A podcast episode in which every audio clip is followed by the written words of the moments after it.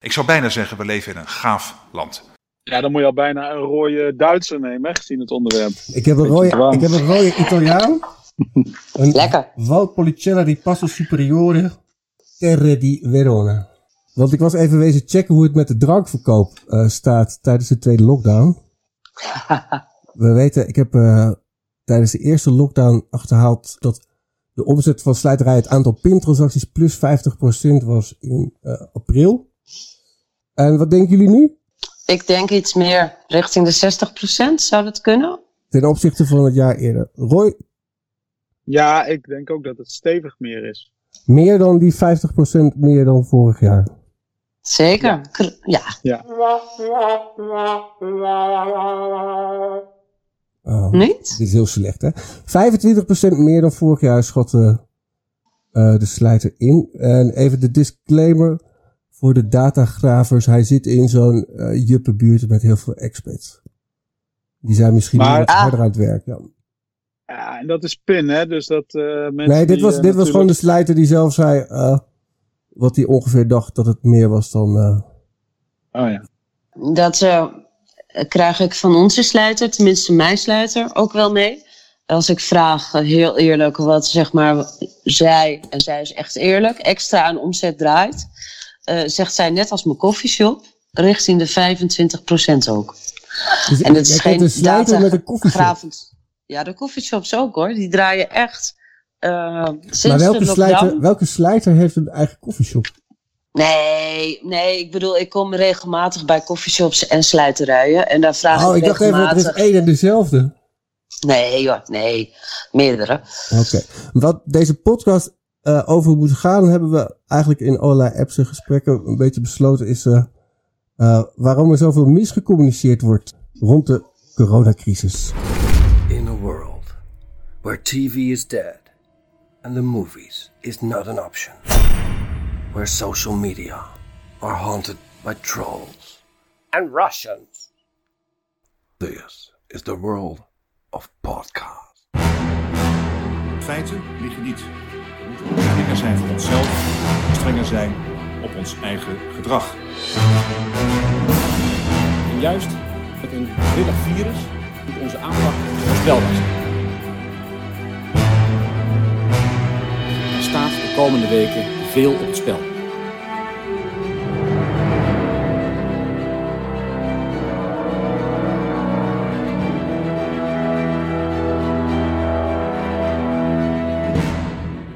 Hij staat altijd te hard, zegt Roy dan. Klopt dat? Ja, maar ik ben wel onder de indruk. Zo. Weet je, weet je wanneer ik deze fragmentjes heb opgenomen? Nou, Afgelopen oktober al. En je zit er gewoon Oh. nog steeds helemaal in dezelfde sores. Eh, ja, en eh, nou ja, ik heb het idee dat diezelfde sores alleen maar... eh, ja, dat het keurslijf alleen maar verder wordt aangetrokken. Ja, hoe bedoel je? Ehm, nou, als ik zie waar we vorig jaar in zaten, in april, hè, tijdens de eerste golf. eh 1400 bedden hadden we toen op de IC. En gingen versoepelen met 700 bedden.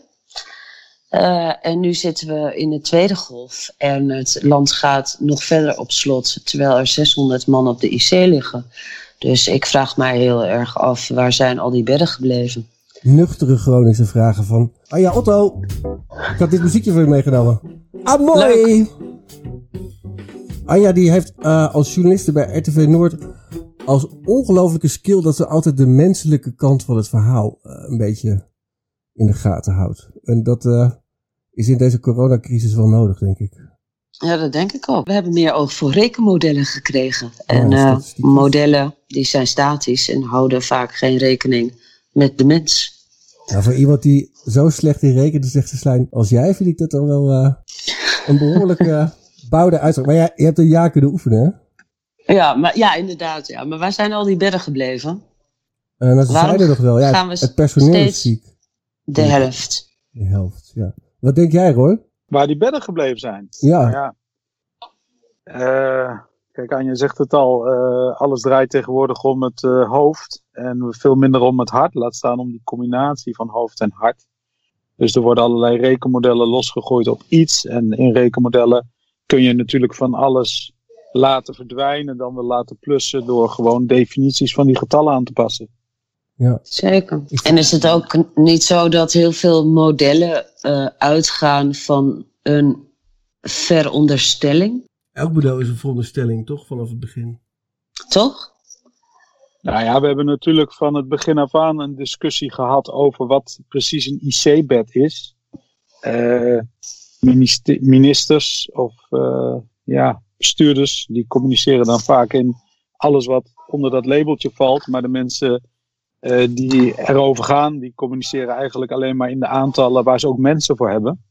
En uh, daar zit waarschijnlijk al een verschil tussen. Klopt dat? SP, Partij van de Arbeid, KROL, GroenLinks, Partij voor de Dieren, 50PLUS, DENK, D66, Van Koot en Aarsen, VVD, SGP, CDA, ChristenUnie, PVV, Vol voor Democratie van Hagen. De motie is met algemene stemmen aangenomen. Ik zeg het wel. Roy, ik ben daar het liedje voor jou aan het zoeken wat ik had uitgezocht.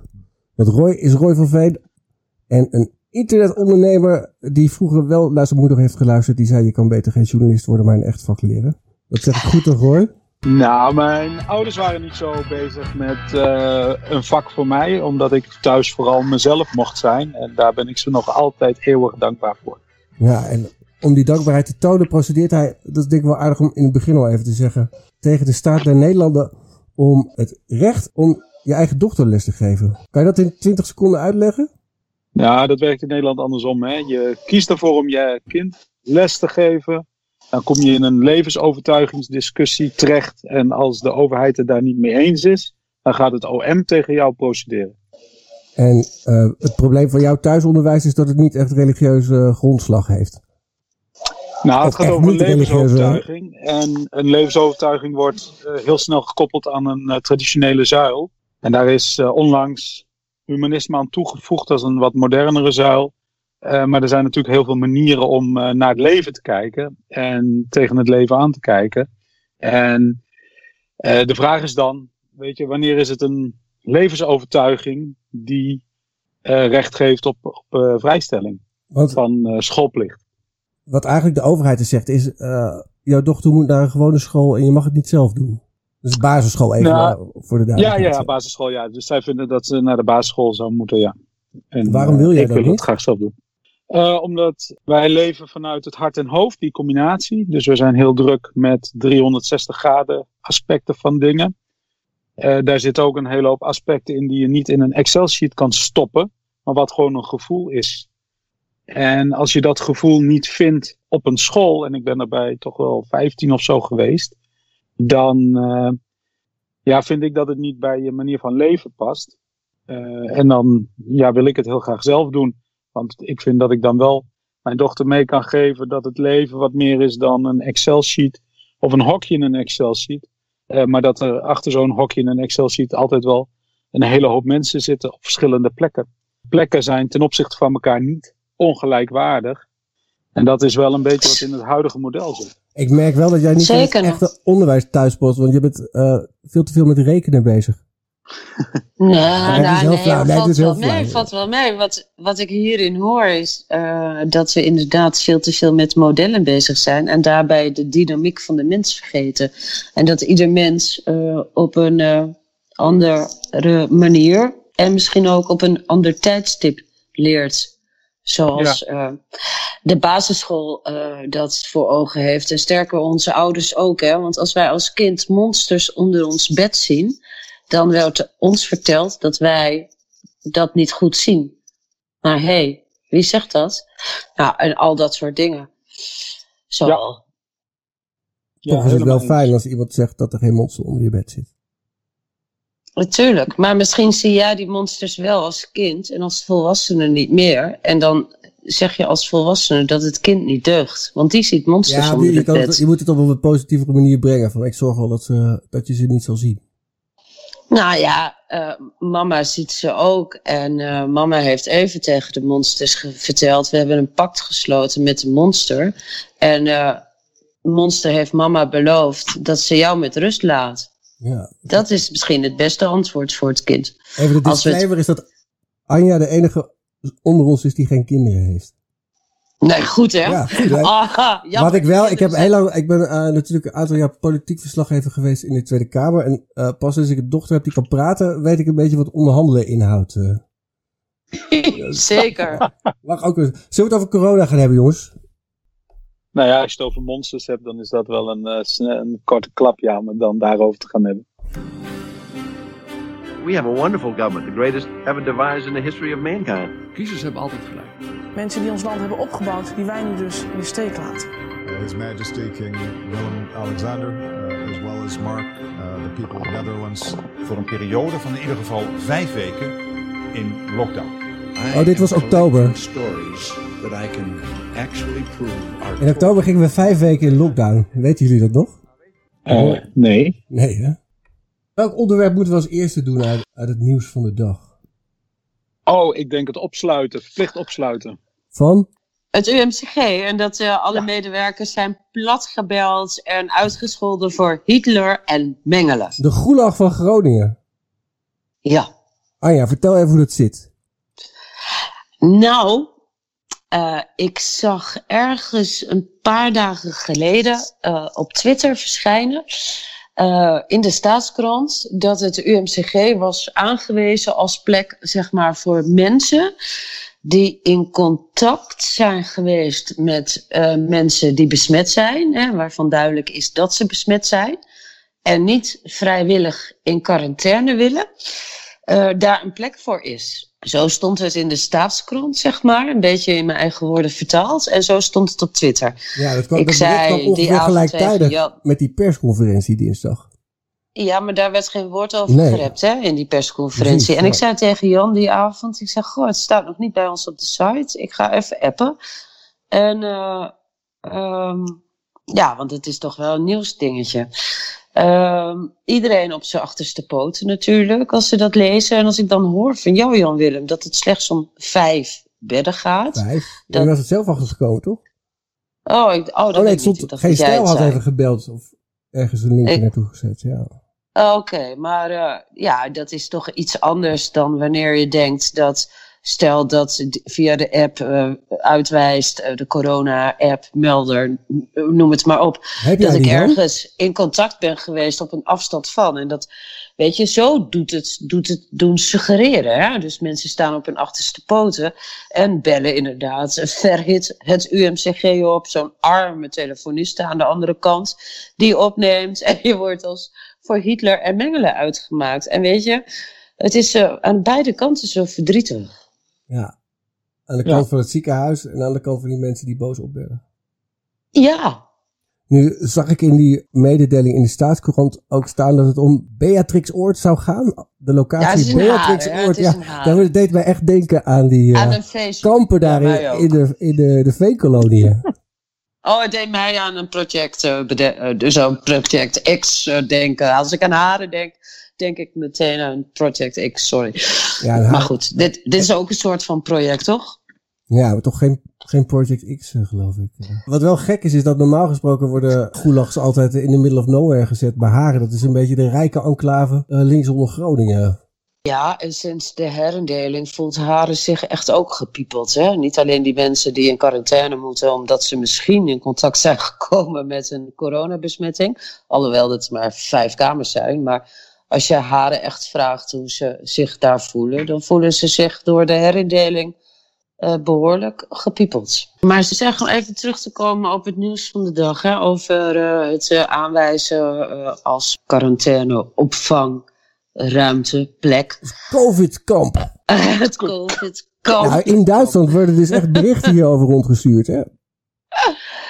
Eh, maar wat is hier dan, eh, zeg maar, falikant misgegaan in de communicatie? Nou ja, ah, de er is niet communicatie gecommuniceerd. Ja, er is niet gecommuniceerd, ja. Er stond weer iemand naar zijn schoenen te kijken. B, iemand heeft heel oplettend de staatskrant gelezen. Daar ben ik hem dankbaar voor. Maar het personeel van het UMCG is daar weer minder dankbaar voor geweest. Ja, wat gaat hier allemaal dan mis? Nou ja, wat ik ook zo gek vind, is inderdaad dat meteen die associaties met allerlei hele nare eh, Tweede Wereldoorlog dingen worden opgerakeld. Terwijl het dus in feite maar om eh, vijf bedden gaat En volgens mij was het een beetje bedoeld voor psychotische dagloze eh, eh, zwervers die even niet weten waar ze naartoe moeten. Ja, maar dat is ook, de avondklok geeft daar, doet daar ook wel iets aan, hè, natuurlijk. Ja, maar vijf bedden, dat klinkt, dat klinkt best wel zoals de Nederlandse GGZ is afgebroken de afgelopen vijf jaar. Oh ja. Ja.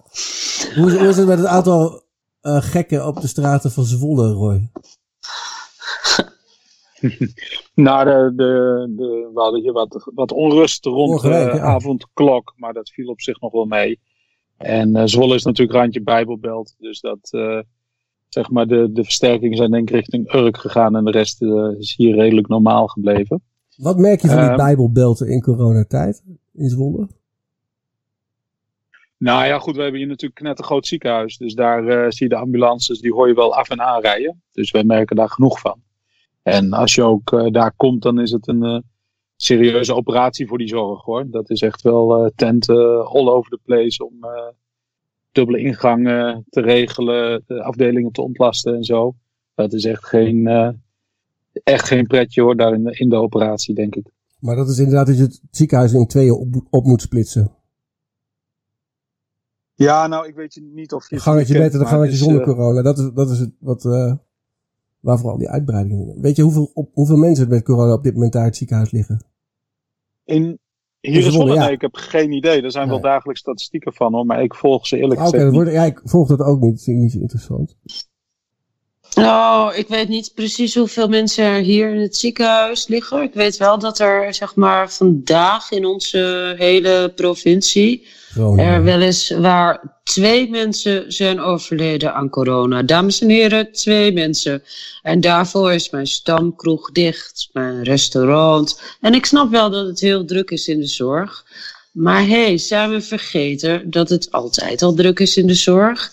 En dat er bijvoorbeeld vorig jaar of twee jaar geleden in het UMCG acht van de tien operaties, nou ja, ik pin me daar niet helemaal op vast, maar het merendeel van de operatiekamers gesloten moest worden vanwege krapte, personeel, voor corona, hè, dit allemaal. Ja, dat is de griepgolf. Ja. nee, dat was nog niet eens in de. Nou ja, eh, in ieder geval ehm, is drukte in ziekenhuizen eh, ja, iets structureels, geloof ik. Nou ja, als een ziekenhuis waar het niet druk is, dat gaat volgens mij dikke verliezen draaien. Nou ja, dat, dat is het punt. Het wordt allemaal afgerekend op geld. En dan wordt er ergens in die hele keten wordt een vinger gelegd. En daar, daar meten ze dan de temperatuur van het financiële model van zo'n eh, zo'n hele zorgketen. En ik denk dat daar de hele keten op wordt eh, afgeslankt. En ehm, eh, het gevolg is dat we hier niet ingericht zijn of niet ons organiseren rond scenario's, maar we organiseren onze zorg, maar ook defensie, gewoon rond geldstromen.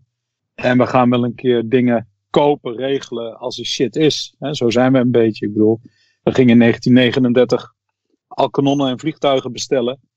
En stonden bij de hele wereld achteraan in de rij. Terwijl die, eh, zeg maar die oosterburen toen al wel een beetje raar aan het doen waren. Eh, bevriend staatshoofd noemde koningin Wilhelmina die man toen nog. Ehm, kijk, en ehm, weet je, zo, zo zijn wij wel een beetje. We zijn, we zijn natuurlijk zo'n zo'n handelsnatie die ja, het liefst eh, de boel gewoon een beetje afwacht. De Romeinen schreven daar ook al hele zinnige dingen over. Dat je hier eigenlijk niet eh, wilde zijn op dat gebied. En daar hebben ze misschien, als je die stukken terugleest, met de kennis van nu wel een beetje gelijk in gehad. Hoe komt het dan dat het poldermodel ooit zo de wereld over is gegaan, hè? vraag je dan af. Kijk, het, poldermodel is wel vrij logisch. Water maakt natuurlijk geen onderscheid tussen rang en standen. Hè. Als het komt, dan verzuipt iedereen. Maakt niet uit eh, wie je bent. Eh, dat geldt ook voor de pest vroeger. Eh, of voor HIV. Dat pakt ook iedereen en dat zal ook gelden voor corona. Nou, wat ik Ehm, dus wel tegenkwam bij corona zelfs, is dat uiteindelijk hebben de mensen in de lagere sociale klasse daar het meeste eh Last van. gevolg van, grosso modo. Maar eh, je zag in Den Haag echt eerst de mensen in Den Haag is super gesegregeerd. Je kan hier op, op postcode niveau ongeveer het gemiddelde inkomen aflezen. En juist in de eh Noorderhout en de andere dure wijken van de stad, waar de expats wonen en de, de topambtenaren, de politici, Rutte zelf ook. Daar was het eerst corona, maar dat mogen we niet weten. En daarna ging het pas uh, als lopend vuurtje over de stad. Ik heb echt vanaf het begin geprobeerd om daar een beetje inzicht in te krijgen op postcode niveau. Wat je voor alle Ja. andere ziekten wel hebt, maar dat, eh, ja, het, het bestond gewoon niet.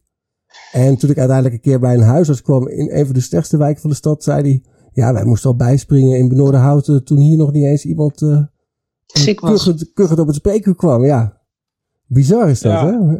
Nou ja, maar dat, dat is natuurlijk een kwestie van, eh, van netwerkbijeenkomsten en sociëteiten. Dat is allemaal binnen. Terwijl de, vo- Ja. de, volks, de volk loopt gewoon buiten te voetballen. Dus die, ja, dat is een hele andere manier van doen. Maar wat je daar zegt op zich is wel interessant. Hè? Dat die, die data van andere ziekten wel bekend is, maar van corona dan als virus niet. En dat is denk ik wel ehm, een goede indicatie van hoe het hele communicatiemodel rond eh, die operatie nu een jaar gaat. Het is allemaal schimmig en onduidelijk. En Ja. eh, men- mensen lekken iets. En dan zitten er alweer drie mensen bij talkshows uit dezelfde groep die lekken weer wat anders. En dan zegt de minister iets. En dan zit zijn adviseur eh, een dag later bij die talkshow en die zegt. Ja, dat het allemaal onverstandig is wat de minister gezegd heeft. Het is allemaal niet meer te begrijpen. Ja. Of ehm, Gommers, de man van de intensive care zorg, zegt bij Jinek dat de avondklok absoluut niet nodig is. En een dag later is het ineens, oh, ik had geen toegang tot de actuele cijfers. De man van de intensive care, hoofd intensive Ja, dat is care, gelul had geen toegang tot de actuele cijfers. En een dag later, ja hoor, staat hij volledig achter de avondklok. Ja, en als ik daar dan zeg maar een vraagteken bij zet, of eh, ja, dan word ik eigenlijk eh, een hoek gezet als wappie. Ja, dan ben je Nou viruswappie. Ik Kijk, heb die je moet rellen dat echt zien aankomen. Je moet dat in, in wat breder perspectief zien. Hè? We hadden toen natuurlijk de Belastingdienst, waar structureel racisme werd geconstateerd. En daar werd een hele regering voor het weekend afgefakkeld door eh, één scherp Tweede Kamerlid of twee scherpe Tweede Kamerleden. Maar één mocht zelf het woord niet voeren. Klopt. Ehm, en weet je, je kunt dan makkelijker een avondklok invoeren met, met rellen die je wellicht voorziet. Eh, die er dan voor zorgen dat de media vijf dagen over rellen gaat praten. Mhm. Dan dat het gaat over structureel racisme bij een overheidsinstelling. En Ja. misschien, misschien is dat best wel een afweging geweest bij eh, eh, het dat communicatieapparaat daarvan. Dat Algemene is alleen maar als je heel, heel cynisch, eh, als je, alleen maar als je de politiek heel cynisch ziet. En ik vind Ja, maar is eigenlijk, dat- ik vind is dat eigenlijk, ja- cynisch? Ja, dat is wel de meest cynische manier van politiek. En eigenlijk zijn er maar heel weinig politici die dat eigenlijk, eh, wa- waarvan je zou überhaupt zou kunnen nadenken dat het ooit in hun hoofd opkomt. Maar goed, Rutte staat eh, in dat lijst natuurlijk wel op nummer 1. Dus ik denk dat ook. En ik denk zelfs dat dat misschien wel een argument zou kunnen zijn geweest om GroenLinks en eh, D66 eh, over te halen. Zo van ja, als er allemaal rellen komen, dan kunnen jullie toch lekker de FVD en Wilders de schuld geven. Nou ja, het ik over begrijp op een gegeven moment wel, omdat de angst er zo eh, in zit. Hè? We zijn vanaf maart eh, zo bang gemaakt, letterlijk bang gemaakt voor dit eh, Ja. ontzettend dodelijke virus. Dat je als politieke partij natuurlijk geen bloed aan je handen wilt. Dus Maar, als het OMT Anja. adviseert dat ze ehm, ja, dat door de avondklok misschien eventueel, je weet niet, better safe than sorry. eh, uiteindelijk zwicht je misschien wel als politieke partij ook door de maatschappelijke druk. Maar jij denkt dat, dat ze daar rekening mee houden bij een partij die eh, eh, iedere orgaan, iedereen een standaard orgaandonor maakt zonder tegenbericht. En de partij die zo wordt bekritiseerd wegens het willen verruimen van allerlei euthanasieregels. Ik, eh, ik, ik, eh, nou ja, ik, eh, weet je, ik heb, nee, daar ga ik niet op in. Grapje, grapje. ik, heb, ik heb zelf. Ah, toch even proberen, ja. Ja, ja, ik heb zelf het pakketje al besteld, zeg maar. Als ik zeg, zeg maar mijn eigen kont niet meer kan afvegen. Ja, dat is niet, ho, ho, ho, dat is niet wat D66 eh, eh, eh, voorstaat, hè? Nee, nee, Nee, nee. nee. Dus eigen regie, zeg maar. Maar maar eh, het is eigenlijk niet de bedoeling dat we allemaal eigen regie gaan nemen, toch? Het, het is, ik denk dat eh, iedereen een beetje lam geslagen is door de angst voor Ja. iets heel ergs al sinds maart. Want Roy, waarom staat die VVD, een partij die jij goed kent, nu op 41 zetels in de, ja- in de laatste peilingen? Rond, rond de 40, maar 40 plus.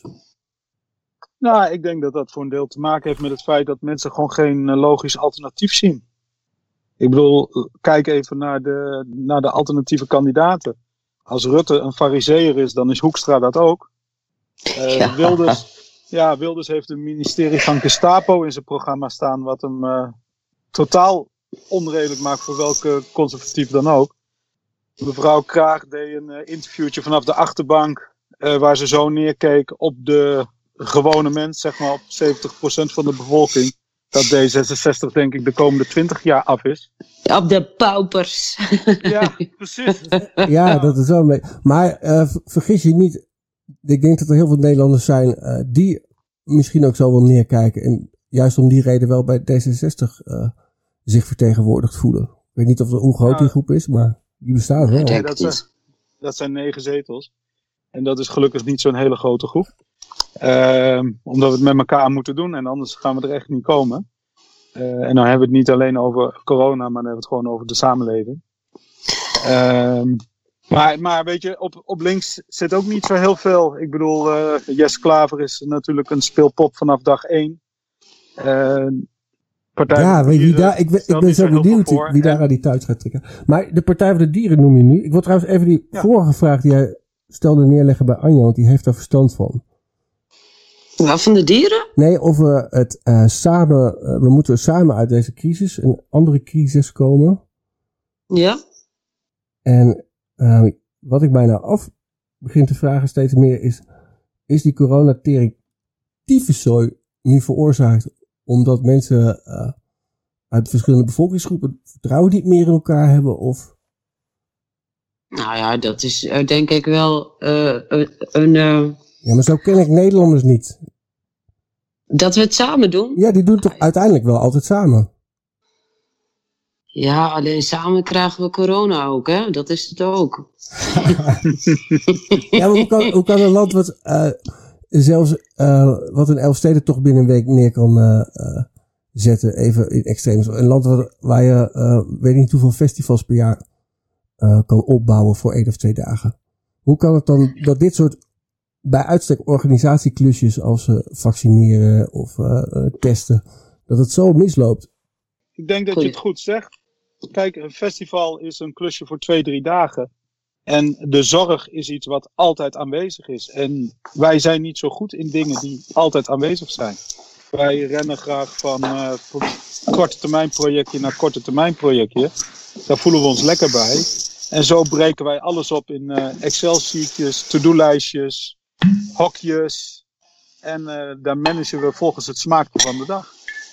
Ik, dan gaat hier even een, een flesje Ja, Rioja de la Pampa door dit prachtige betoog heen eh, open.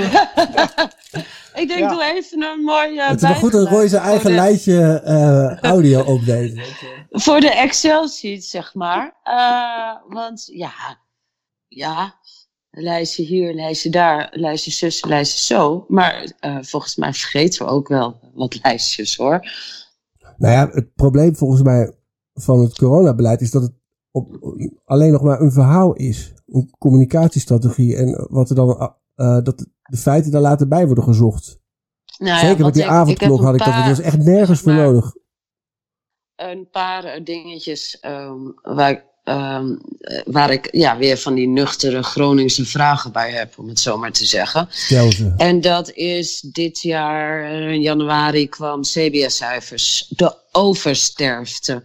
We hebben te maken met dit coronajaar, weet je, die vreselijk dodelijke, dat vreselijk verschrikkelijk dodelijke virus, met 15.000 Nederlanders. Die meer Oh. zijn omgekomen dan was verwacht.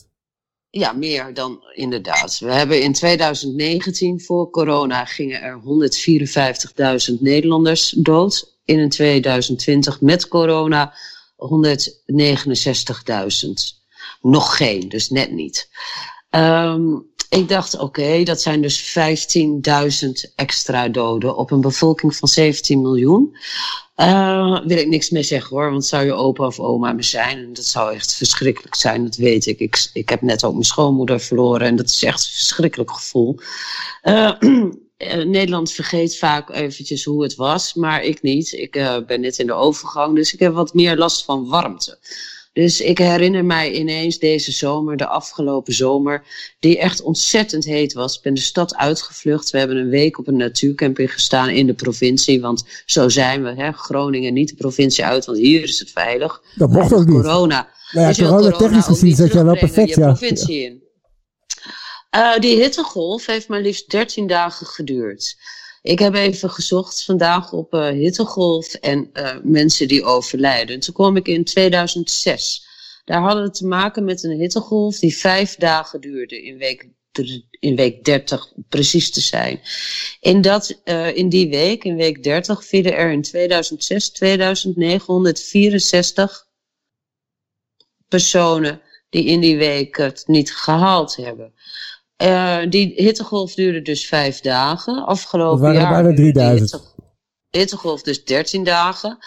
Eh, ja, als er dan in zo'n week al, eh, in die vijf dagen al bijna 3000 eh, mensen extra overlijden, kan ik me voorstellen dat in 13 dagen tijd zeker het Ja. dubbele, zo niet tegen de 7, 8, misschien wel 9000 doden extra overlijden. Al die auto's Dat waren ook al verzwakt door de lockdown natuurlijk. Dat moet je niet zeggen, dat zijn aannames. Eh, maar tegen die 15.000 extra eh, kom ik dan eigenlijk op, ja, pak een beet, eh, acht, misschien, als ik heel mager reken, negen, hè, vanwege die hittegolf, een beetje aan de voorzichtige kant, extra doden.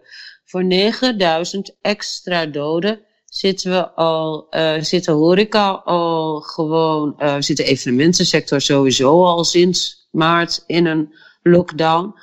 Eh hebben ja. pubers eh, depressie, hebben we nog nooit zoveel eetstoornissen gehad als nu. Want ja, weet je, waar je nog enigszins controle he- op hebt als jongere, ja, dan eet je gewoon niet meer.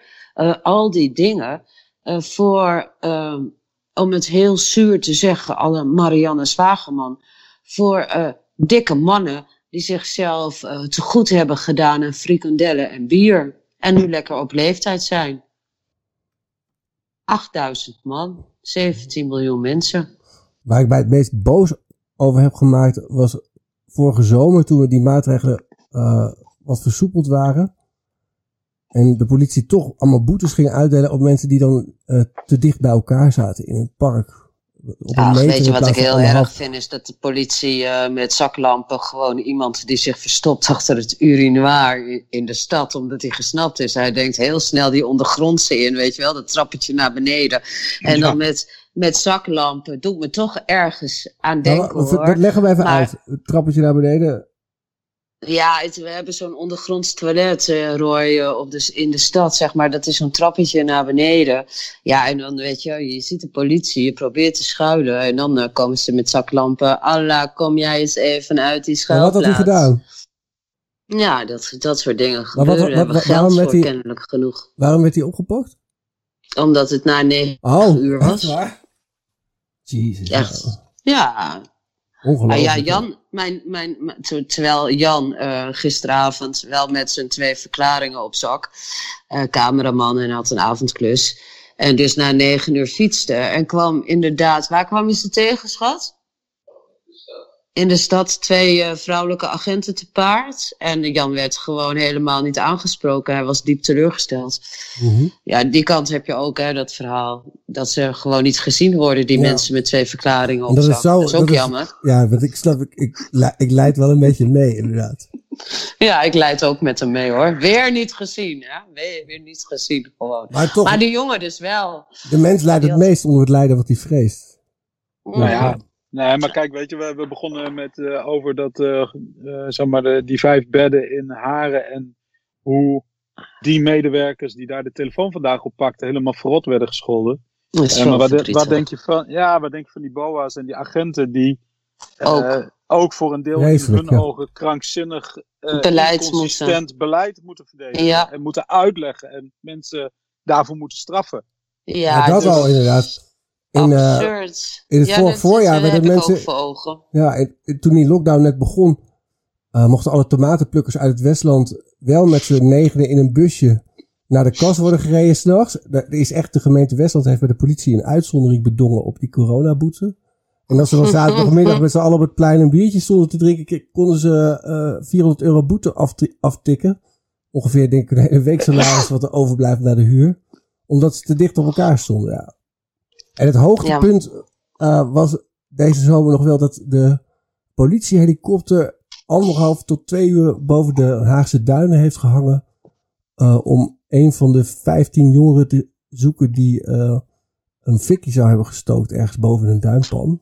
En die andere 14 waren opgepakt, maar die 15e eh, die was ontkomen. En daar hebben ze dus twee uur naar gezocht met een politiehelikopter. Niet. Echt waar. Ongelooflijk. Die is waarschijnlijk naar Engeland gezwommen en die heeft dan over 15 jaar ook Nee, die zat gewoon onder een struik. Die zat onder een struik. En dan mag jij, mag jij even eh, bedenken wat voor, wat voor onverlaten, wat voor schobbejakken eh, zoiets doen eh, op, eh, het was vrijdagavond. En ik neem aan JOVD. Ah ja? Denk je dat echt? Ik, eh, nee, ik, eh, ik, ik, ik, ik, ik, zou niet weten wat, eh, wat ze op vrijdag. Hè. Weet je, wat, dat vind ik ook, ook zo'n dingetje trouwens. Om, om even terug te komen, we moeten het samen doen. Hè. Ehm, Ja, dit is inderdaad een generatieconflictje. maar dat samen is zo'n rekbaar begrip. Want al die mensen met een vast contract. Ja, die, die voeren lekker gewoon hun werk uit. En heel veel mensen hebben een leuk gezinnetje. En die vinden het niet erg om om negen uur thuis te zijn. Eh, maar de andere medaille is al die ondernemers die echt het gevoel niet meer hebben dat ze dit samen doen. Of wat denk je van alleenstaanden? Die gewoon nu helemaal, eh, oh ja, je mag nu nog één iemand ontvangen. Maar ik hoorde van Jaap van Dissel eh, alweer zeggen vandaag. Dat ja, oeh, met het oog op die Britse variant, dat het zomaar kan zijn. En we willen natuurlijk die scholen open houden. Hè? Want ja, al die arme kindjes. Dat het misschien de consequentie is om die scholen open te houden. Dat we straks helemaal geen bezoek meer mogen ontvangen. Nou, dan ben je alleenstaand. eh dat is ook verdrietig. Eh de jeugd die eh, helemaal de zingeving langzamerhand kwijt aan het raken is. Worden allemaal echt verdrietig van. Ja. Zal dat ik, samen, dat is niet zo samen. nee, dat, Nee, dat klopt. Was, dat was vorige zomer al niet zo. Weten jullie waarom die jongens daar en die meisjes daar in de duinen zaten? Ze waren een jaar of 15, 16, 17. Pokémon, hadden ze een Pokémon? Nee, dat stukje verderop in Kijkduin. Dit was Oh. echt eh, eh, boven de Vogelwijk. Het meest chique deel van Den Haag. Ik hoorde dat verhaal, eh, het heeft nooit in de krant gestaan, eh, van een collega later. Het waren eh, jongens en meisjes die de zaterdag daarna niet hoefden te hockeyen. En ook wel eindelijk, eindelijk weer eens een keer gezellig eh, onder elkaar wilden zijn. Hmm. Maar eh, het was toch wel echt schande, vonden die ouders. Schande, schande, waarom moet onze zoon, onze dochter weer op de bol gesleerd worden? Wat ik me dan afvraag, is er nog iemand die dan s'avonds denkt aan die 200.000 mensen in Den Haag die last hebben van die politiehelikopter? Qua geluid? Ja, die takkenherrie. Oh god, ja, ja, of je woont eh, naast glasbak hè, tijdens coronatijd. We hebben het net over die omzetverdubbeling gehad bij de slijterijen. Ja, dat glas moet toch ergens naartoe, hè? Ik hoor echt eh, mensen ja. die, die echt een dingetje van maken dat ze naar de glasbak moeten. Ja, die echt een strategie van tevoren gaan uitwerken van... eh, ja, dan ga ik of heel vroeg, of juist als het heel druk is en het niet zo opvalt. Ja, zeven uur 's ochtends, lekker, ziet niemand dus. Jij weer wakker. Nou, Is ik de woon- buurman weer van verderop. Ik woon toevallig naast, ik woon naast, zo, naast zo'n eh, glasbak, maar die staat aan, de, aan een doorgaande weg. Dus daar is het altijd heel druk. Maar je ziet altijd wel mensen heel besmuit kijken. Oh shit, als maar niemand meer hier tegenkomt. Dat is het weer in Den Haag. Vent du nord, il chasse la brume. Ce voix gris qui nous prive de soleil et qui couvre et la dune. Prachtig. Is, Hele eh, mooie muziek, ja. Dit liedje, moet ik, daar moet ik even een verhaaltje bij vertellen, want anders krijgen we auteursrecht shit. Dit is een cover van het liedje Wat voor weer zou het zijn in Den Haag van Annie F.G. Smit en Harry Banning. En dat was dus door de, een Haags bandje, dat heet Tess Elimouton, op eh, nieuwe muziek gezet. Met dat accordeonnetje er doorheen zat er nog niet in. En helemaal in het Frans vertaald door een Nederlandse vrouw. Met blond haar en blauwe ogen. Dan zou je toch denken, als Harry Banning, zou je toch een klein sprongetje van geluk maken in je graf. Maar Ja. die erven, die zijn dus eh, zo boos geworden over dit lied, dat het binnen een dag overal vandaan is eh, gehaald. En alleen maar omdat ze niet van tevoren toestemming hadden gevraagd om een accordeonarrangementje te maken. Omdat ze niet door dat hoepeltje gesprongen waren, was het gewoon eh, punt uit. Waarom vertel ik dit nu? Als ik dit vertel, dan is het de journalistieke productie. En dan kan ik gewoon dat muziekje draaien alsof het eh, gewoon een journalistieke inhoud is. Ja, het breekt wel even lekker de dag. Ook al ligt er een prachtig ijsvloertje, doe het niet uit respect voor de zorg. Of Nee, was nee, het te cynisch? Ik eh, ben het helemaal met je eens. Dat eh, verwacht ik ook dat we dat gaan krijgen. Al dan niet opgelegd eh, vanuit een torentje of een communicatiefiguur daar. Maar even hier, hierover gesproken. De Elfstedentocht gaat niet door, is al vooraf besloten. Maar wat mij opvalt in coronatijd is dat we weinig horen van Friese. En je kan zeggen van Friese wat je wil, maar het zijn wel Friese en die hebben wel voor hetere vuren gestaan. Waarom horen we die niet? Weet je dat, Anja? Nee, weet ik ook niet. Ik heb geen antwoord op. Roy. Nou ja, Friesen zijn natuurlijk gewoon eh, zichzelf. Weet je, als je daar niet gaat kijken, dan ga je niks van ze horen. En als jij daar gaat kijken met verkeerde bedoelingen, dan zorgen ze op de snelweg wel dat je er niet komt. Ja, dit is het type grappen waardoor ik eh, dus jarenlang met eh, Anja Lowlands ben gegaan en we elkaar nog aardig vinden. En eh, wat een fijne stem heb je, Roy. Oh ja, dankjewel. Ja, hele fijne, rustige. Fijn om naar te luisteren. Zegt mijn dochter ook altijd als ik voorlees. een van de weinige vaders in Nederland die het niet drukker heeft gekregen door de eh, lockdowns in het onderwijs. Want hij was toch al de hele dag zelf aan het lesgeven. Omdat wij geen vrekkige Hollanders zijn en vinden dat de geluidskwaliteit van deze podcast nog ver te wensen overlaat, zullen wij het gehele donatiesegment slopen uit bijgaande aflevering.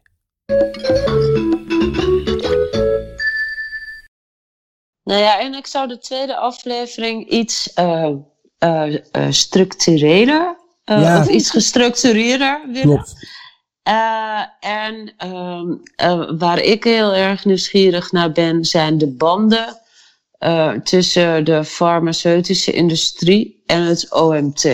Oké, nou, dit is. eh, ik ga jullie even uitzetten, maar dit is precies waar dit eh, blokje over moet gaan. Want ik heb het zelf wel in mijn hoofd een beetje beter gestructureerd. En het Ja, tweede onderwerp even, waar ik ook zo'n lange termijn project van wil maken is eh, het, aard, het aardgas. En eh, dan gaat het erom, want ik heb geprobeerd om daar een podcast, een aflevering over te maken, maar aardgas is gewoon zo'n veelomvattend ding. Want we hebben er natuurlijk de afgelopen 40 jaar met z'n allen echt heerlijk aan die waterpijp eh, gelegen en stoot geworden. En we zitten nu midden in, de, eh, in het moment in de geschiedenis dat we erachter komen, kut, de haas is op. Ja, mail jwnavis.gmail.com of eh, het e-mailadres van onze nieuwe podcast. Die hebben, we hebben nog geen naam, hè? Nee, zodat eh Nee, morgen eens even bedubben hoe we Ja, maar ik had, wat ik dus had bedacht. ehm, Anja is wat dat betreft onze reddende engel. Want je moet met de, de naam van je podcast zo ver mogelijk vooraan in het alfabet staan. Omdat Spotify alleen maar sorteert op alfabet of op eh, wat je het laatst zelf hebt toegevoegd. Als je gaat zoeken. Dus als jij sorteert op alfabet, dan eh, is eh, het beste om iets met. Dus ik had gedacht aan Anja. A, A, Aan Anja. Anja. Ja, het gaat alleen Oh, maar om die dubbele A. Ieder, alles, al het andere is ook goed. Maar ik denk dat als je echt A verzint, dat ze dan bij Spotify zeggen: ja, haha, dat trappen, dat trappen we niet in. Dus er moet wel een beetje on topic zijn. Apatja, die heb ik ook nog. eh Apatja. Maar die hebben we ook nog. Maar die is, al, die is al sleets. Die hebben we al gebruikt. Laten we er serieus over nadenken. Ja, heel goed. Oké. Ja. Zullen we nog één groot onderwerp doen en er dan gewoon een eind aan bouwen? Ja. Ja, doen we. Zorgbonus komt verkeerd terecht, vind ik niet. eh, want we hebben het al best wel veel over de binnenwereld van het ziekenhuis gehad. Eh, Brussel wil farmaceuten dwingen om geheimen coronavaccin te delen. Fantastische, fantastische koep. Brussel Mag dwingt ik, eh, de af- farmaceuten om coronavaccin te, te delen. Ja? Mag ik aftrappen? Ja. Ehm, weer de nuchterheid van het zelf nadenken. En dat had ik al- voor, zeg maar, eh, alle social media's begonnen over wappies en allerlei eh, vragen en complottheorieën. Eh, maar wat ik van begin af aan al niet begreep, was oké, er komt iets heel engs op ons af waarvan we niets weten. Rutte had het over we varen in de mist. En ja, met de kennis van we hebben maar 50% van de kennis om eh, zeg maar te koersen in deze mist. Eigenlijk hebben we helemaal geen kennis en koersen we misschien af op het geluid. Geen idee waar we op koersen. Maar we bevinden ons in een enorme mistsituatie. Maar het enige wat we wel weten, terwijl we niets weten over de ziekte of, of wat dan ook, wat het doet met ons. Het enige wat we al wel weten is dat we eigenlijk, we hebben het meteen gehad vanaf de eerste persconferentie over het nieuwe normaal. En wat me verbaast is dat de enige nooduitgang is het vaccin. Dat is nog voordat er überhaupt geheimen over het vaccin, zeg maar, eh, blootgelegd moeten worden. Maar ik vond het toen al opmerkelijk dat onze enige nooduitgang het vaccin is. Terwijl we niets wisten, we vaarden in de mist. Roy. Ja, nou ja, ik schreef daar toen de, de tijd, eh, ik denk dat het maart was of zo. Toen, eh, nee, februari. Ik denk dat februari was, kreeg ik een, een appje van een eh, vriendin van mij uit, uit Rusland. En die moest een project doen in Korea. En in Korea was een mysterieuze ziekte aan de gang. En of ik daar voor haar wat uitzoekwerk kon doen. Of, of dat voor haar wel verstandig was om daar naartoe te gaan. Toen ging ik daar een beetje in verdiepen. En daar schreef ik toen een, eh, een blog over. En eh, een tweede blog een week later schreef ik eigenlijk over eh, een angst dat het misschien wel iets wereldwijd zou gaan worden.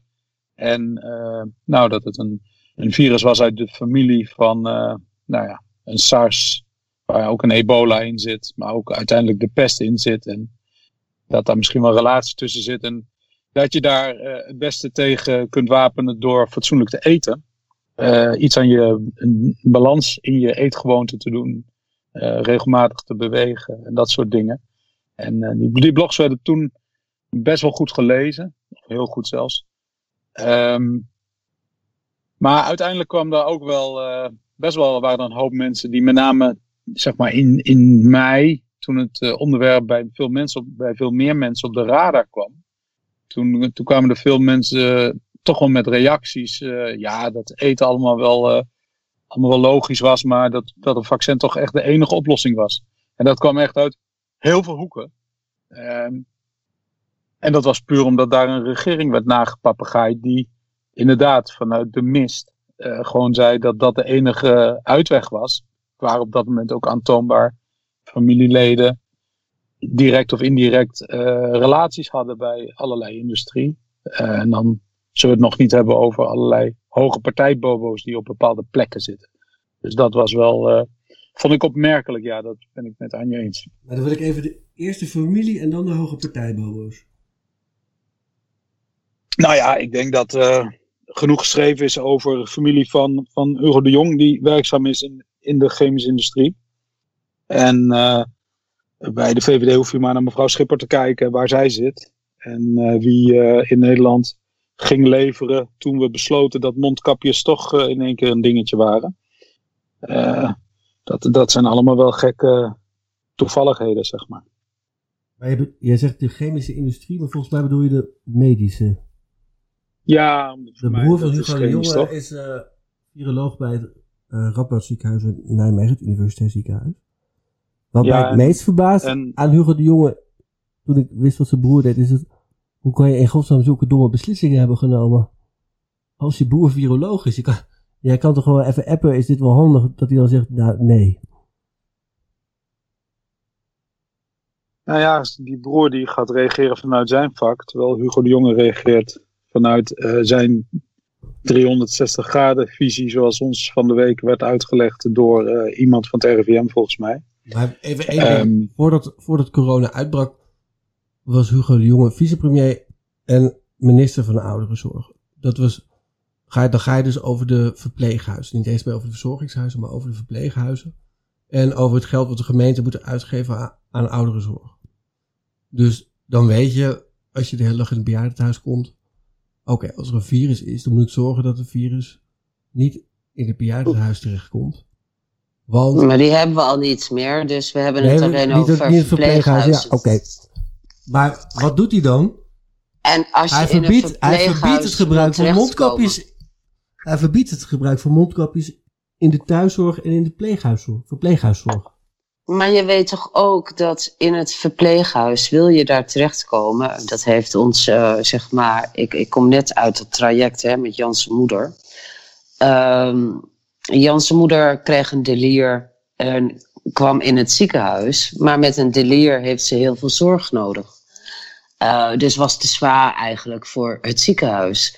Maar Jans' moeder heeft ruim drie weken, misschien wel een maand, op de verpleegafdeling in het ziekenhuis ge- gewoond. eh, omdat er geen plek was in het verpleeghuis. Ja, peperduur. Dan, ko- dan kom je, peperduur, dan kom je in het verpleeghuis. Eh, dan weet je al dat je zo zwak bent. Ze zag op de bovenste afdeling, dat zijn de allerzwakste, zeg maar. Eh, als daar een virus binnendringt, waar we al zeg maar geen weerstand voor hebben, hè, want het is een onbekend virus, eh, dan ja, sta ik er niet versteld van, om maar weer even zeg maar advocaat van de duivel te spe- spelen, dat er soms twintig mensen in een maand overlijden. Dat is heel verdrietig. Nogmaals, ik heb nog steeds verdriet om haar. Het is heel verdrietig. Maar het hoort wel bij het leven. Dat je als je 87 of 93 bent, of sommige mensen 68 met wat mindere weerstand of een foutje in hun afweersysteem of hun DNA, weet je, dat, dat zijn uitzonderingen. Maar Fokje was geen uitzondering. Die is 6, 87 geworden. En ik ben blij dat ze 87 jaar bij ons is geweest. Maar je, ja, je moet je wel op voorbereiden als je dierbaren in zo'n verpleeghuis terechtkomen. Hè. De bejaardentehuizen zijn dicht. Dus je moet wel heel ziek zijn, wil je daar terechtkomen. Ja, dat dan zo'n virus af en toe fataal kan zijn. Maar is dat een reden om te verbieden? Ik, ik zeg ook niet, niet gebruiken, maar om te verbieden dat, dat je mondkapjes gebruikt en andere Nee, persoonlijke wat ik, wat ik sowieso niet be- dat begrijp is, is... echt een onbe... En dat heb ik in eh, maart... Ik, ik heb het vergadering na vergadering geroepen eh, bij de krant, maar eh, niemand zag het verhaal erin. Maar dat, dat is echt de grote domheid. Het is belachelijk. En wat ik ook belachelijk vind, is naarmate we wat meer mist of wat minder mist om ons heen hebben, eh, waarom hebben we er niet voor gekozen om het zorgpersoneel dat werkt in verpleeghuizen gewoon niet dagelijks te testen? Om het buiten de deur te houden en gewoon Mhm. bezoekers ook te testen. Als het allemaal zo besmettelijk is, als je het echt buiten die deur wil houden, dan doe je dat op deze manier. Maar dat doe je toch niet door 17 miljoen mensen een beetje huisarrest op, op te gaan leggen. Begrijp jij het, Roy? Eh, nee, ik begrijp er niet zo heel veel van. Maar ja, weet je, ik bedoel, we hebben er zelf voor gekozen om een eh, afgestudeerd eh, schoolleider primair onderwijs, eh, een minister van, eh, wat is die, volksgezondheid, welzijn en sport te maken. En dan krijg je dit soort eh geneuzel. Ja, maar daar wil ik even één, moet ik even heel hard tegen in, want eh, eh, hij was schoolleider. Maar als ik nou, Au. als ik nou in heel Nederland, ja, maar Hugo de Jonge, die is hier een beetje boven zijn macht aan het eh, knokken. Dat, dat, eh, die hoeven we niet, eh, die discussie hoeven we niet meer te hebben. Maar als nou in, Nederland één sector klaar was voor een pandemie, dan was het toch wel het onderwijs. Binnen, binnen drie dagen zat, eh, zat de hele klasse in hangouts samen les te volgen.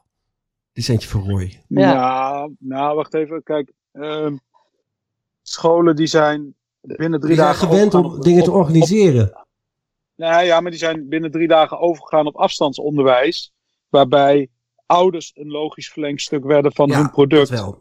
Ehm, en dat is natuurlijk iets anders dan optimaal gebruik maken van digitale middelen om een alternatieve manier van onderwijs te geven. Hè? Zoals bijvoorbeeld Wereldschool doet of eh, de LOE bij wijze van spreken. Dat zijn twee organisaties die al 30 jaar, nou ja, eh, Wereldschool niet, maar LOE die doet al 30 jaar afstandsonderwijs op een manier waar een logische plek voor de ouders zit binnen een agenda van de ouders. Terwijl scholen gewoon de vrijheid kregen om de dagelijkse agenda van ouders te gaan dicteren. En dat zijn ouders die gewoon thuis moesten werken en thuis ook nog gewoon hun ding moesten doen. Dus eh, ja, scholen hebben het heel knap gedaan door in binnen drie dagen over te schakelen op zo'n Zoom-achtige situatie. Maar nee, het vangnet bij ouders was echt niet voor elkaar. Want ik bedoel, als ik alleen naar mezelf keek, ik kreeg tijdens de eerste lockdown 70, 80 vragen per dag van gezinnen en ouders. Van, oh, help me hiermee, kun je me daarmee helpen, hoe is het zus? En op dit moment krijg ik er misschien nog 45 of zo, dus het is een, al een stuk minder. Maar het is niet nul. Dat is nog steeds veel. En, En- dat zijn mensen die jou, die, die gaan zoeken op thuisonderwijs en die vinden dan op Google jouw naam en eh ga je Ja, dan en dan gaan ze vragen, mij, gaan ze mij een mail sturen. En soms, soms zijn het eh, relatief eenvoudige eh, vragen. Van hoe ga ik om met de planning op een dag? Of ik heb drie, drie kinderen, verschillende leeftijden, hoe doe ik dat? Eh, en soms zijn het echt hele complexe vragen van kinderen die al, nou, die, die het niet trekken, de manier waarop het gaat. Want ik bedoel, kijk maar naar jezelf. Als jij eh, twee keer drie uur achter elkaar achter een notebook moet zitten. Achter een videocamera waarbij iemand klassikaal tegen je aan ouwe hoert. Eh, weet je, daar word je echt niet vrolijk van. En als je dan rare opdrachtjes moet doen. Ja, op een, op een manier. Ik bedoel, mijn, mijn dochter is tien. Weet je, die programmeert zelf Minecraft servers. eh, met whitelisting, firewalls ervoor en weet ik het allemaal. En die is niet uitzonderlijk. Weet je, die, ja, die staat die- gevaarlijk bedoel je. Nee, maar die, die generatie van nu, als je die een beetje eh, helpt en een beetje stimuleert en weet je dan, die groeien spelende wijze op. Dat zijn digital natives waar we vijf jaar geleden zoveel reclame voor maakten in, in Nederland. Maar dat, dat zijn ze gewoon. En ehm, die, weet je, die moet je niet dom achter een laptop zetten en zeggen van, joh, ga eens even een paar eh, meer keuzevragen maken. En als je dan zelf, ik weet niet of je zelf wel eens gekeken hebt naar die meer keuzevragen, maar als je er naar kijkt, dan is het niveau echt bedroevend. Dat is echt gewoon, daar stimuleer je echt geen kind mee. Weet je, en als je dan toch die ouder een kind moet laten begeleiden, hè, want dat is het model waarvoor gekozen is, zorg dan dat je die ouder een beetje helpt met, met middelen, met, met, met filosofie. Hè, de ene ouder is de andere niet. Dus als je dan begint met vastend onderwijs, ga daar eens even naar kijken. De ene ouder heeft andere middelen dan de andere, grote huis. Ik bedoel, ga er maar even aan zitten, weet je. Als jij op een flatje woont en je hebt in één keer drie kinderen thuis met één laptop en misschien een, een oude tablet. Nou, en ze moeten alle drie Ja. online en jij moet ook nog je werk doen. Dat is onacceptabel. Terwijl de overheid gewoon verantwoordelijk is voor dat product. Want die eist schoolplicht. En die kan niet leveren. En dat hebben we gewoon, we als samenleving, hebben we dat bij die ouders neergeflikkerd. En nu wordt er gezegd, ja, de avondklok moet nog even blijven, maar de scholen mogen open, in ieder geval eh, de basisscholen, want we moeten de ouders ontzien. Nee, je had gewoon die ouders moeten helpen. Maar ja, Ja, ik, ben, moet je... ik blijf stil omdat het eh, allemaal voor zich spreekt. Anja ook, dat weet ik. Ja, ik vond dit een prachtig betoog vanuit het hart. Eh, want eh, wat ik inderdaad zie is eh, volgens mij al langer gaande in het onderwijs. Dus al eh, pre-corona dit. Is eh, dat wij kinderen ehm, af... En dan ben ik niet eens ouder, moet je nagaan. eh, afbreken terwijl ze... We plukken ze al terwijl ze nog niet eens tot bloei zijn gekomen. Ja. Hoe, hoe, hoe plukken we ze? Eh, door ze niet tot bloei te laten komen. Maar wat halen we er Eh, vanaf? Vroeg, ja, vroegtijdig snoeien. Eh, som, nee, niet snoeien, want snoeien doet bloeien. Eh, zorgen dat ze gewoon echt niet tot bloei komen. Ja, eigenlijk dat ze in een, in een in een bestaande keurslijn worden gedrukt. Ja. Alle creativiteit op jonge leeftijd eigenlijk gewoon al uit je geramd wordt. Dit is ook een groot onderwerp wat niet een eh, onderwerp in een aflevering moet zijn, maar gewoon een onderwerp van de hele show, denk ik. Nou ja, het is wel ook, het is ook corona gerelateerd. Kijk naar een groter verhaal. Hè? Want uh, wat mij verbaast is, uh, dit onderwijs ook hoor, dat, dat begroot, terwijl het is niet een goed woord, maar toch ergens wel. Ook dat laat me hard huilen.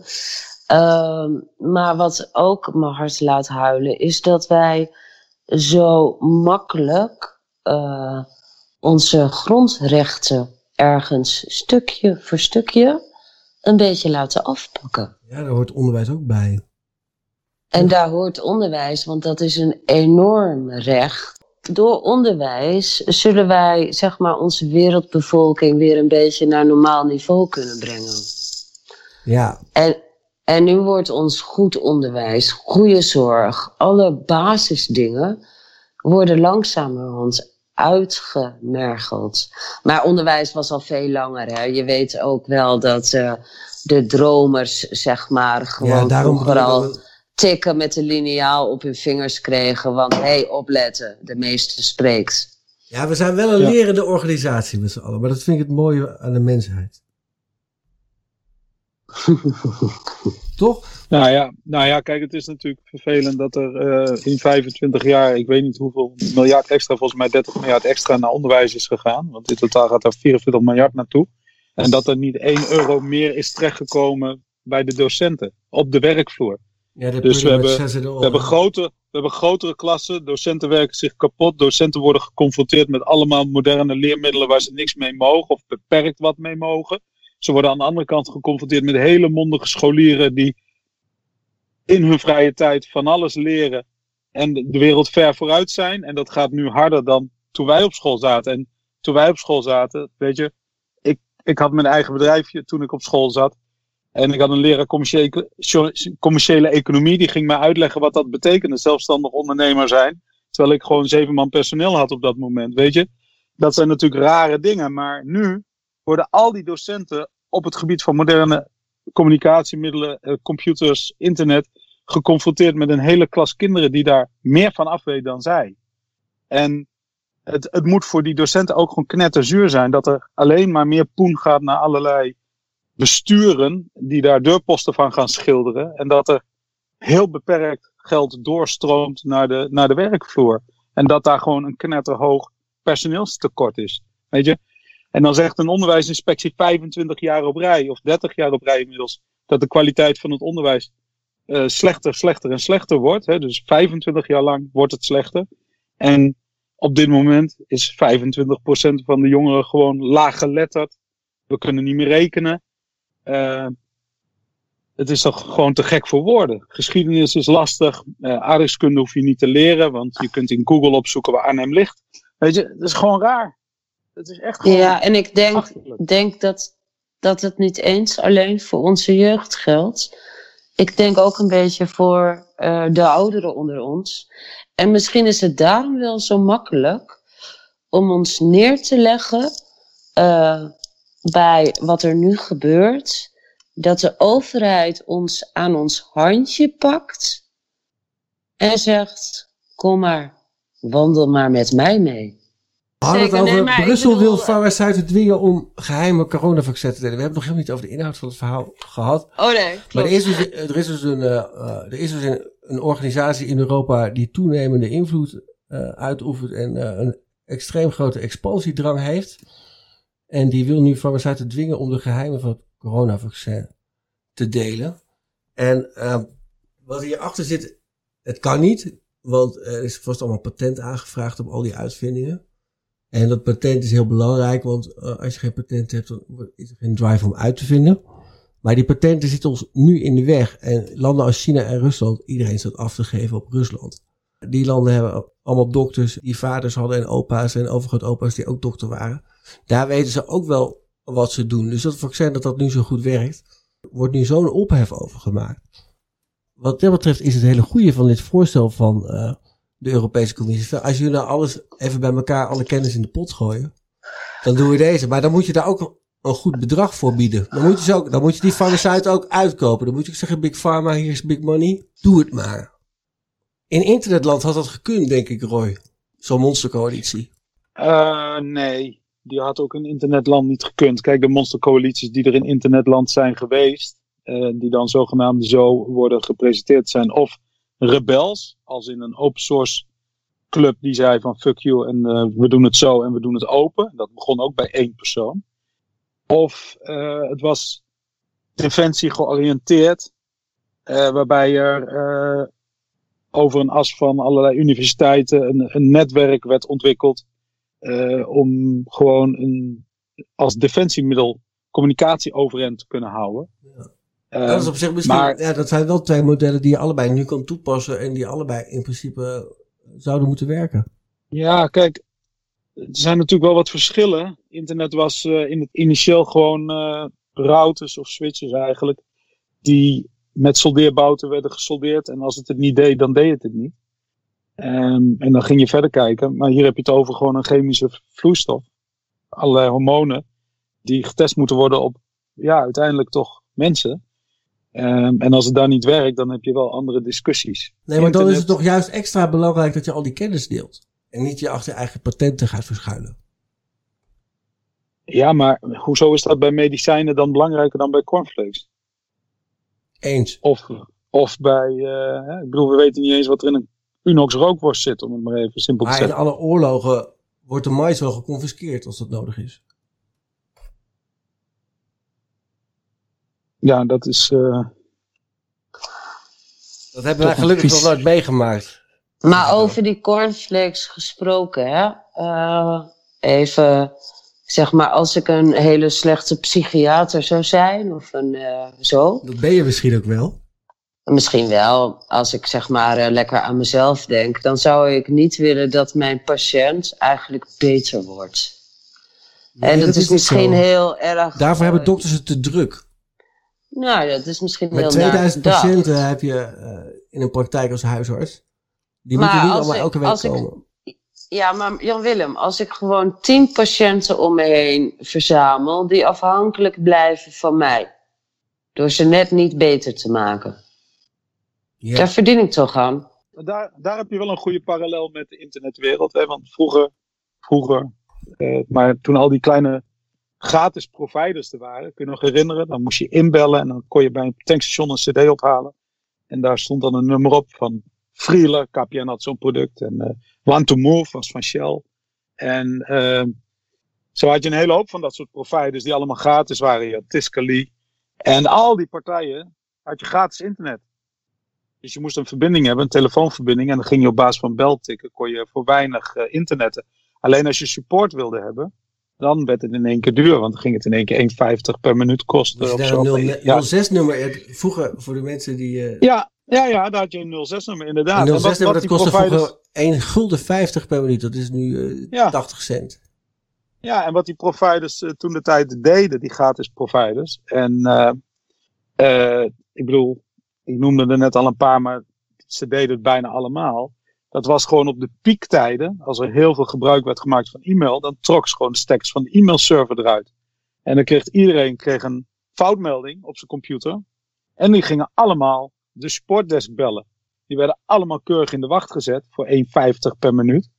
En zo tikte gewoon de centen binnen. Ik ben toen de tijd wel bij een provider op de helpdesk geweest. Waarbij die eigenaar oh. gewoon zei, gewoon zei per, echt per vijf minuten van 20.000 oh. gulden, 20.000 gulden. En ik heb zelfs ah. een keer meegemaakt dat we een borrel hadden in de binnenstad ergens waar een, gewoon een klok op tafel stond.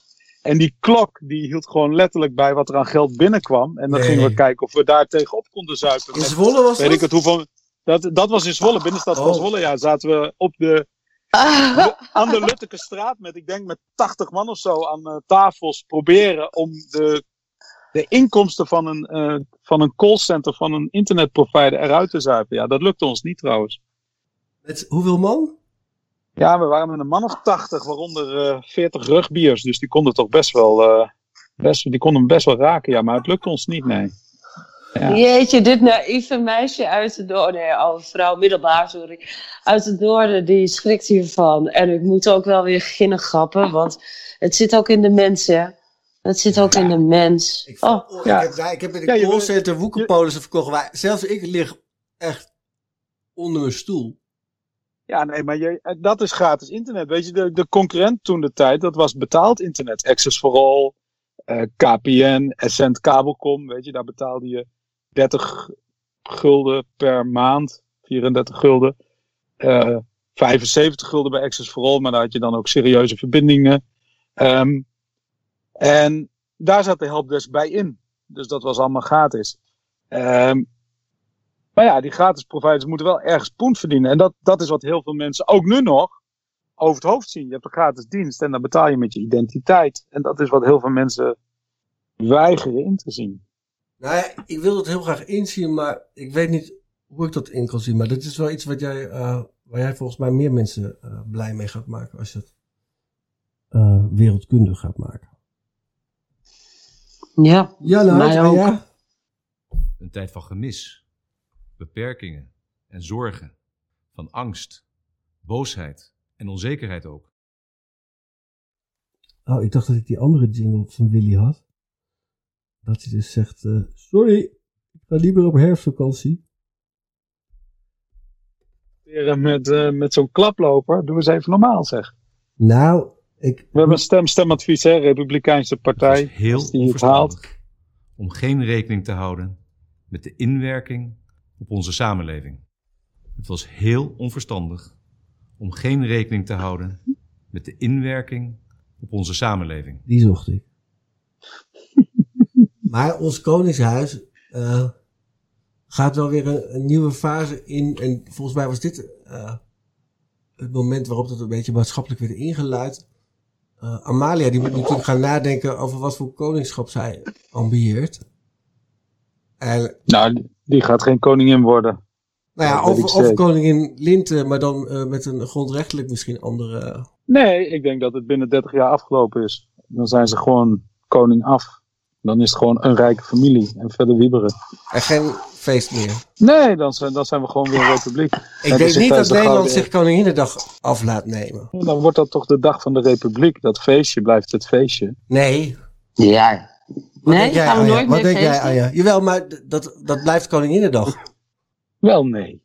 Nee, nee ik, dat, ik durf niet eens naar de toekomst te kijken. Het is jongens. grootste asset. Koningin, Koninginnedag is de grootste asset van de Oranjes, denk ik, op dit moment. Veel meer dan hun macht. Nou, ik, ik ga wel. we- Weet je, mijn, mijn vriend, man is cameraman. En wij vloggen af en toe voor een heel select publiek. Zeg maar voor drie kijkers, Oh, onze vaste dit kijkers. echt pre- we hebben een premium, dames en heren. Als u nu lid wordt van deze podcast, Ja.